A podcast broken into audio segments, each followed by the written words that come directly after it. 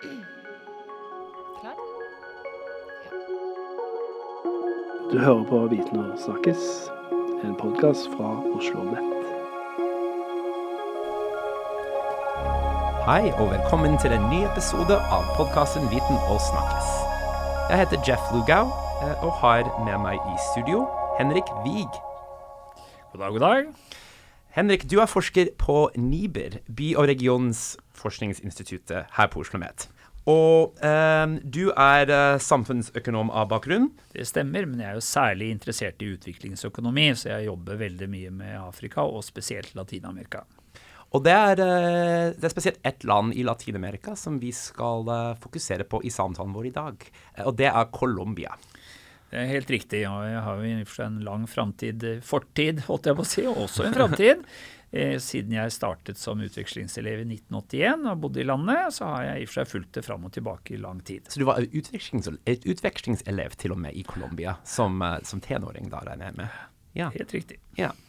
Uh, har du noe pågående forskning som, uh, som tar for seg Colombia? Det er i praksis at vi starter opp et prosjekt nå.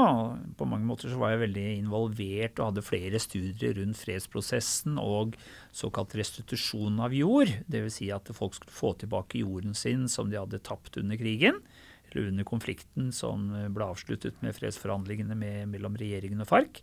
Eh, og så har det i og for seg vært stille noen år. Eh, men så er vi nå tilbake med å skal ha en stor evaluering for Norad av eh, klima- og skogsatsingens støtte til sivilsamfunn i fire latinamerikanske land. Og da er jo Colombia med, selvfølgelig.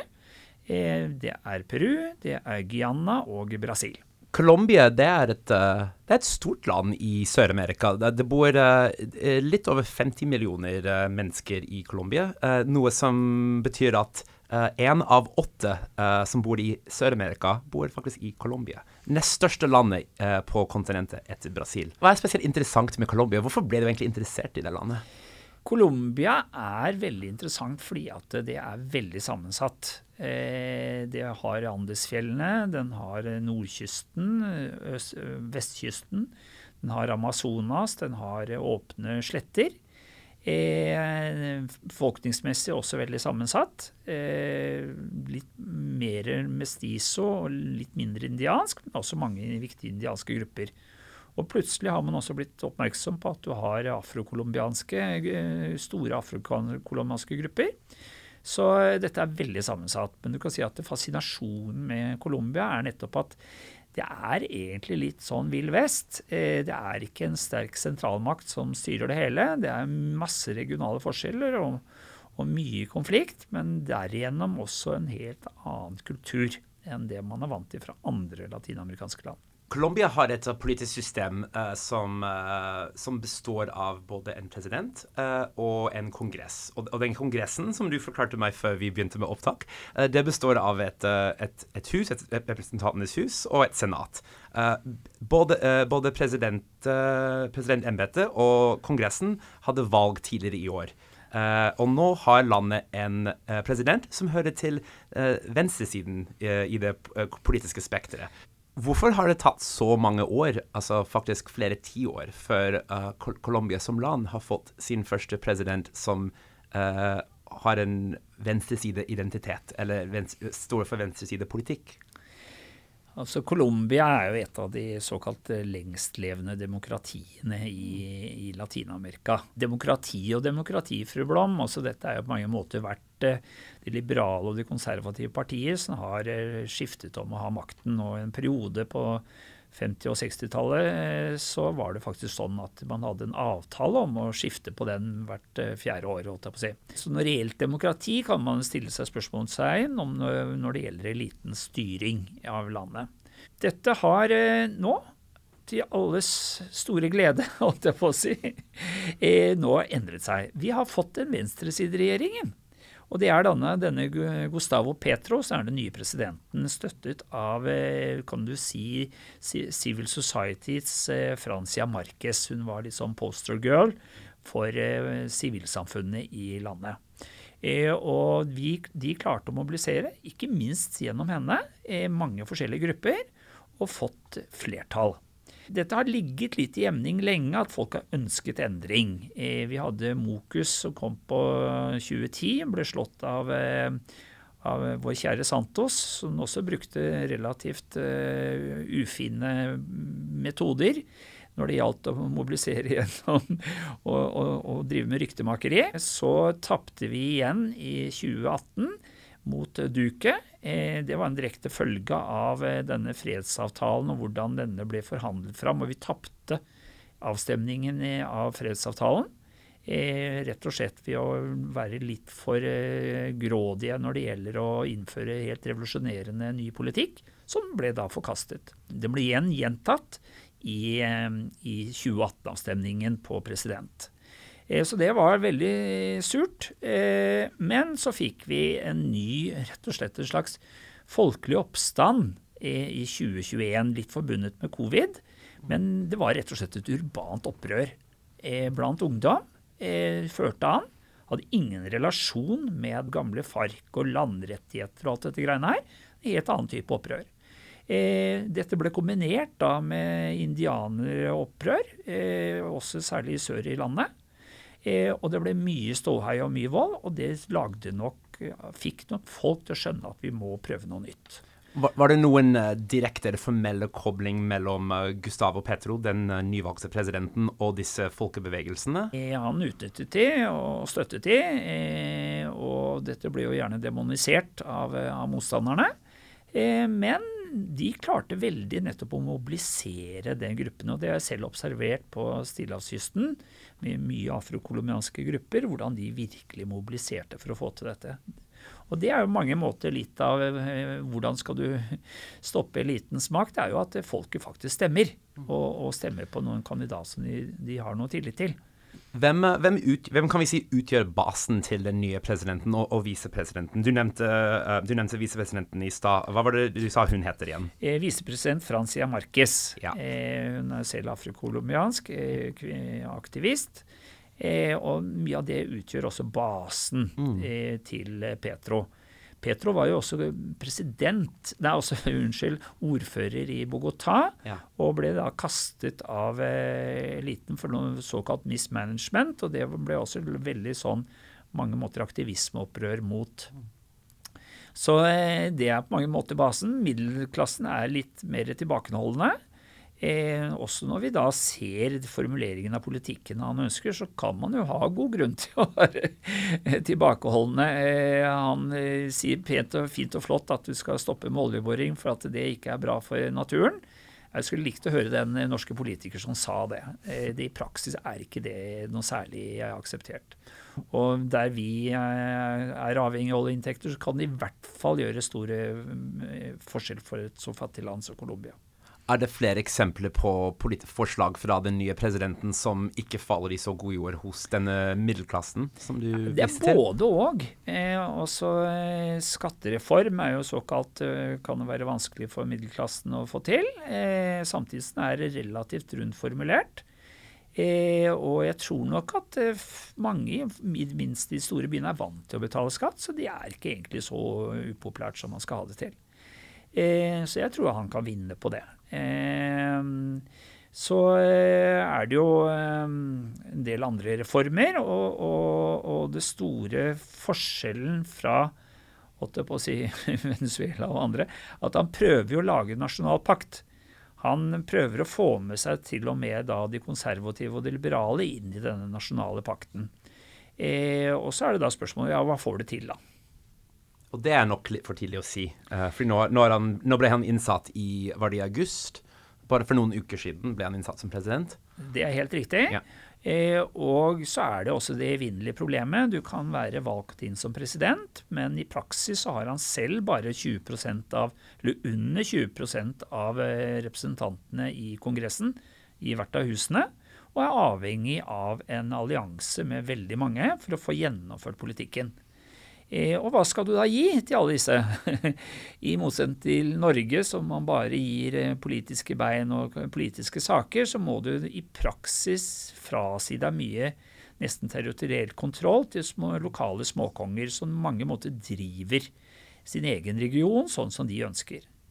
Eh, det er rett og slett at sentralmakten er svak. Eh, det er ikke partier, det er representanter, og de skal betales på en eller annen måte. La, la, oss, uh, la oss uh, gå over på det du, du, begynte å fortelle nå om uh, territorium og, og statens makt.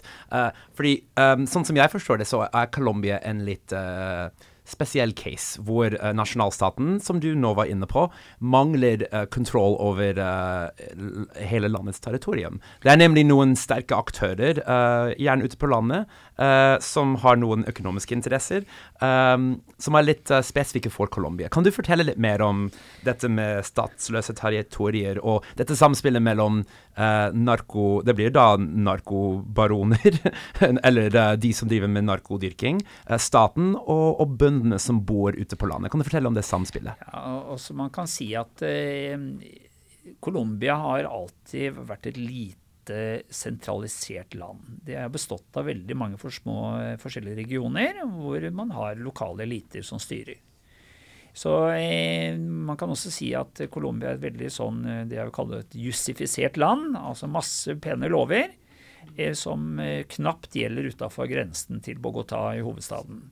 Den tolkes lokalt, og den håndheves lokalt.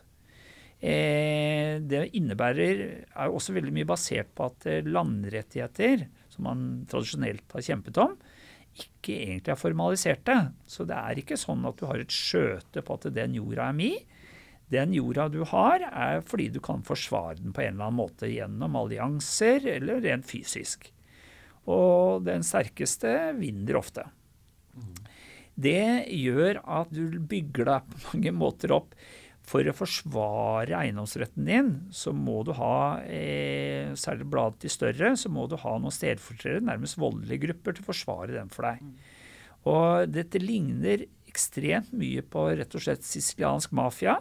Samme opprinnelsen. Det var sånn at du hadde ingen sentralmakt. De store lokale trengte lokale håndhevere for å ikke bli kastet av småbøndene de var på mange måter entreprenører. Jeg leste en veldig interessant bok fra 70-tallet nå av, i, av Anton Bloch nå som hadde beskrev dette, og det var som å beskrive Colombia i dag. Mm. Hva medfører dette, da? Eh, jo, ja, det medfører en ting, og det oppdager jo Petro nå.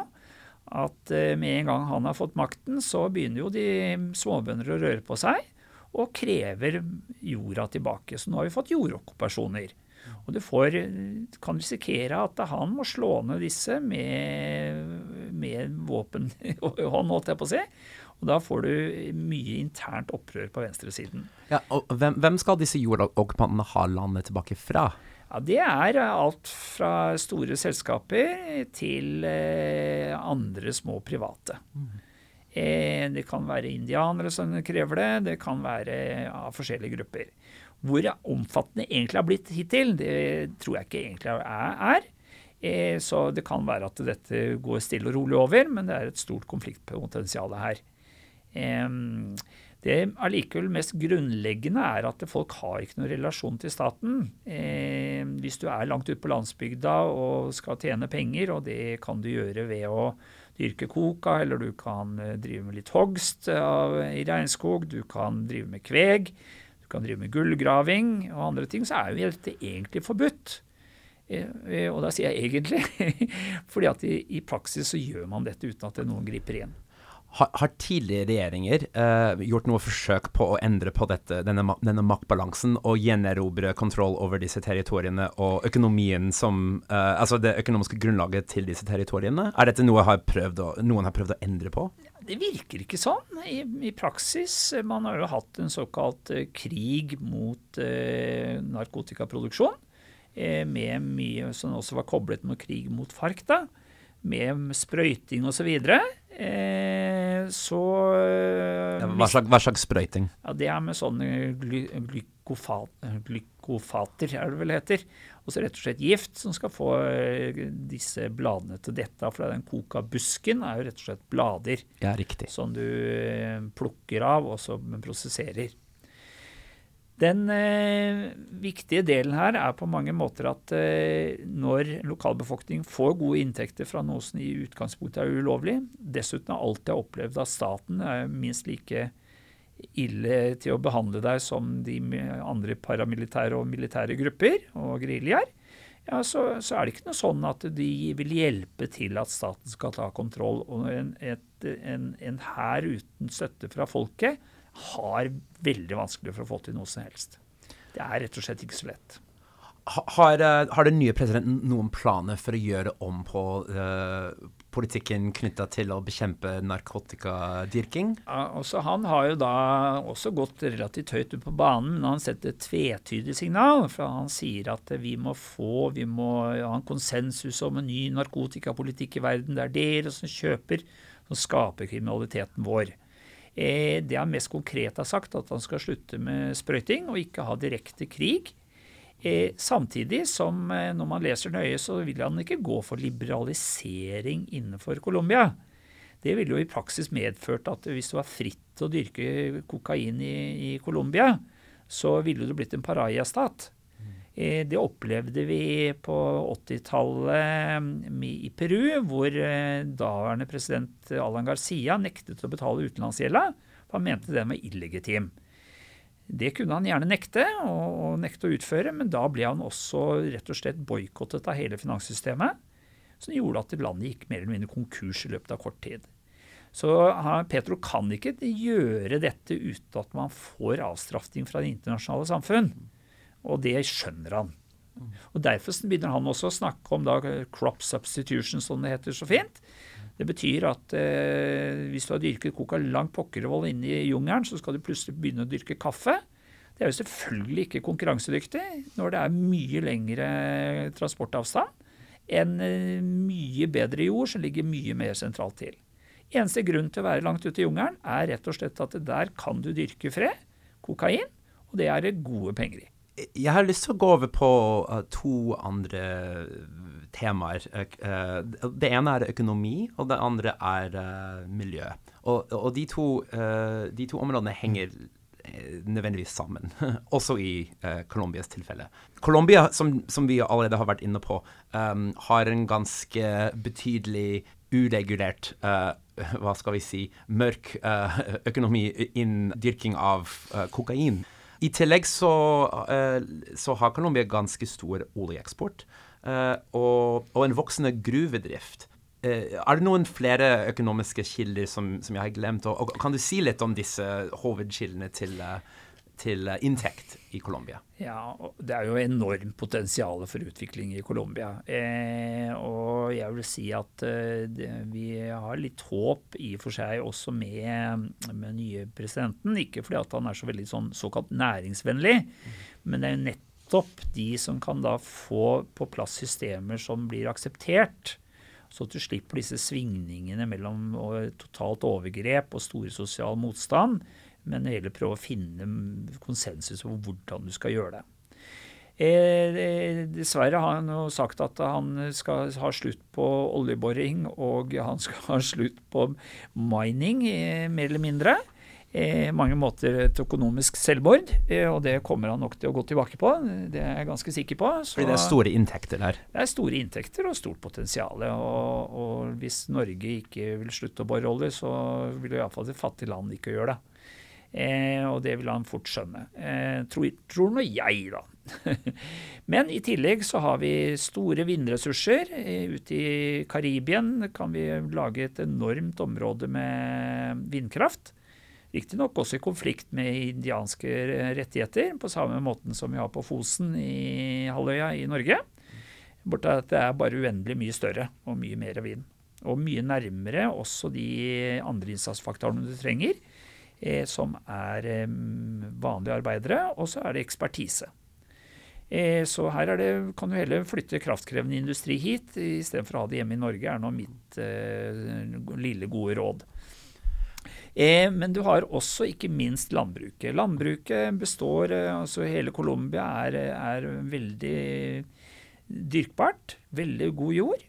Eh, Ca. 40 millioner hektar kan dyrkes som prime property.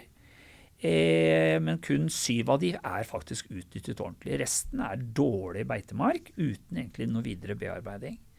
Så da er vi tilbake igjen til manglende statskontroll, manglende beskyttelse av eiendomsrettigheter. Du investerer ikke i landbruket når du kan bli fratatt det. Kort tilbake til det med, med, med oljeboring uh, og presidentens motstand mot den, uh, den, industrien. Er det miljømessige grunner som ligger bak uh, presidentens skepsis til oljeindustrien i Colombia, eller er det andre ting? Jeg tror det er i og for seg en blanding av lokalt miljø og globalt klimamiljø. På sammen, men her har vi da det store problemet her at hvis du skal ta verdens problemer innover deg og løse dem på egen hånd, så blir det veldig dyrt for deg. Eh, vi i Norge er jo veldig bekymra for klimaet, men vi borer jo på som bare det. Eh, så eh, dette henger mange måter ikke på greip, og det tror jeg også han vil skjønne etter hvert. at eh, så lenge verden har bestemt seg for at det er eh, etterspørselssiden som skal eh, strupes og dermed reduseres, så kan ikke han som produsent redusere. Det gjør i hvert fall ikke vi i Norge. Eh, men så er det også litt lokalt, men veldig mye av de forurensningene lokalt har egentlig kommet fra konflikttiden. Hvor eh, diverse geriljaer drev med utpressing og sa at hvis dere ikke betaler, så sprenger vi ledningen til himmels. Og det gjorde de, med masse søl. Avskoging det er også et tema i, i Colombia. Um, Amazonas, uh, som er det verdens største skog, uh, eller i hvert fall en av verdens største skogsområder, Uh, ja, hvordan man definerer skog. Ja, ja. Taigan i Russland er, ja, også svær, da. Men det, er, men det, er, en helt annen type skog, og dette er jo regnskog med enormt artsmangfold, enormt binding av CO2. Eh, det er en regnmaskin eh, som vi nå ser litt truet.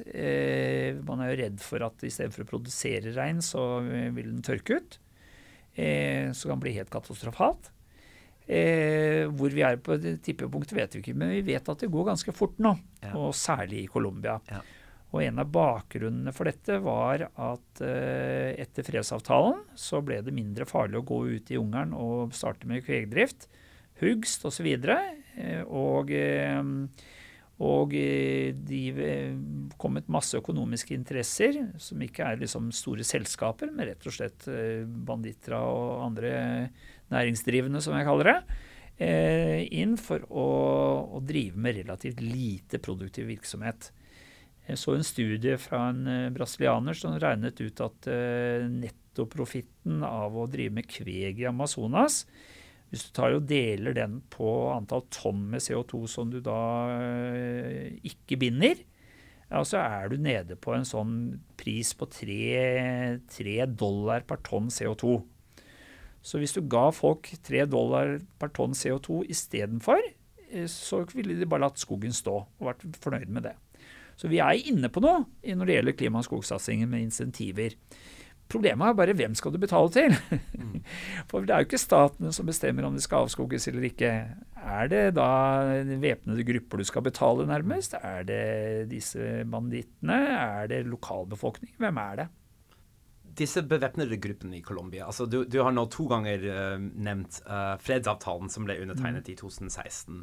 Hva er, hva er, statusen i dag for de uh, bevæpnede gruppene i Colombia? Er de fortsatt aktive? hvilken rolle spiller de i, i Colombia i, i 2022? På mange måter tre hovedaktører. Den ene er en geriljagruppe som heter ELN, som aldri har overgitt seg. Og så har du deler av FARC som gikk tilbake til jungelen. Eh, fant ut at nei, dette var egentlig en dårlig deal, og, og havnet ikke der hvor de, man skulle. Og de tredje er rett og slett eh, narkogrupper. Eh, Clan del Golfo, altså Gulfklanen, er hovedaktøren der. Men det er mange mange lokale små eh, grupper som styrer. Mm. Til felles med alle tre er at jeg vil i hvert fall egentlig bare definere de som narko- og kriminelle organisasjoner. Det er ikke så mye noe ideologi igjen, særlig heller ikke i ELN. Som eh, såkalt ikke har overgitt seg. Og FARC, dissidenter såkalt, det er jo egentlig bare noen ledere som har rekruttert masse nye unge som ikke har noen som helst politisk motivasjon overhodet. Begår disse gruppene like mye voldshandlinger som de gjorde for seks år siden, da fredsavtalen ble undertegna? Eller har det blitt mindre vold i, i, i det colombianske ja, samfunnet? Altså, det er vold ennå, men det er mange måter en slags likevekt. Eh, og, og, det har vært veldig mye oppmerksomhet rundt drap av sivile ledere i Colombia, og det er helt riktig. Eh, det viser seg på mange måter at sivile ledere er alle som motsetter seg den maktinstitusjonen som måtte være der. Så hvis du går ut og sier at nei, vi, vi som lokale må ta vare på jungelen og du skal ikke drive med kokaproduksjon, så er du i veien for businessen vi driver. Og da er det ikke noe sånn særlig personlig hat eller noe i den dur. Det er rett og slett at du er i veien og må bort. Men, du, eh, men siden også grupper, altså lokalbefolkningen er interessert i å drive med coca og andre illegale virksomheter, så får du en slags maktbalanse eh, mellom de lokale og disse væpnede gruppene. Så det er ikke bare for dem å, liksom, å skyte ned og drive dette som et fengsel. Nei, det, sånn er det ikke. Så de forhandler om hva som skal gjøres og ikke gjøres, hvor høy skatten skal være. Og så skatten da tenker jeg på hvor mye man skal betale til disse gruppene. For de bistår også på mange måter med en service med å få ting ut til hovedkjøpere. Så det er en maktbalanse som er der, og det er ikke så lett for staten å gå inn i dette. Nei, det hørtes ikke sånn ut. Vi går snart inn for landing, uh, men jeg hadde lyst til å stille deg et siste spørsmål. Uh, og det er, med bakgrunn i uh, den tiden du har tilbrakt i Colombia, og alle de årene du har fulgt med på Colombia og forsket på Colombia, hvor optimistisk er du på vegne av Colombias framtid? Nå i lys av valgresultatene, men også bare på, på generell basis. Jeg er i og for seg veldig optimistisk. Altså jeg tror ikke altså, alle sånne likevekter kan du få endret på. Og jeg tror jo at veien går gjennom økt økonomisk samhandling. Man skaper alternative jobber. Og det viser seg ofte at eh, selv de som går ut i jungelen for å drive med ulovligheter, vil gjerne ha en ordentlig jobb istedenfor. Eh, men da må vi være villige til å kjøpe varer fra dem, da. Så istedenfor å ha kraftkrevende industri i Sauda, så kan vi heller ha den i La Guajira. Istedenfor å dyrke vår egen raps, så kan vi kjøpe palmeoljebasert biodiesel fra slettene i Colombia. Eh, det er mange ting vi kan eh, drive interaksjon med dem på. Og så vil du gjennom ved å skape jobber få folk ut av jungelen og ut av ulovligheten og inn i det ordnede forhold. Henrik Wiig, Veldig spennende å snakke med deg om Colombia. Jeg har lært masse i dag, og jeg håper dere lyttere der ute også har gjort det. Takk for at du var gjest i podkasten i dag. Takk skal du ha. Og takk igjen til deg som hørte på. Vi hørs.